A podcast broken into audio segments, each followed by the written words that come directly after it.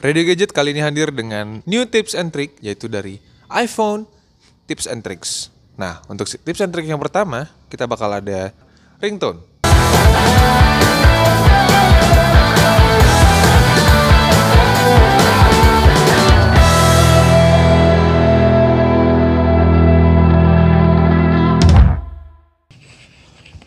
Welcome to Radio Gadget. Welcome back bersama Razak Ramli. Di video pertama kita bakal ngebahas cara ganti ringtone di iPhone. Caranya itu mudah banget, jadi kalian tinggal masuk ke settings, kemudian sounds and haptics, dan di situ ada pilihan sounds and vibration patterns, ada ringtone, text tone, new voicemail, dan lain-lain.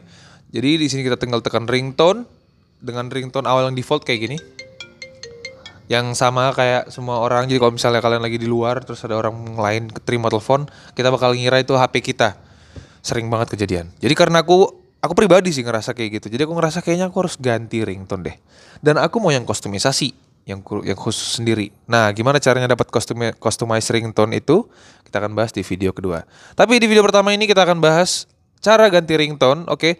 Jadi iPhone sendiri itu udah nyediain beberapa ringtone yang ada di sini yang eh, bawaannya defaultnya ya. Itu ada Apex. Oke, ini juga ringtone tapi kayaknya untuk terima telepon kurang asik. Ada beacon, ada bulletin. Nah, by the seaside juga ini lucu-lucu. Tapi kayaknya aku nggak bakal pakai ringtone itu. Dan untuk text tone juga Nah, defaultnya kayak gitu. Kayak semua notifikasi yang pakai iPhone tuh pasti aduh, kayak nggak deh, nggak deh, nggak deh.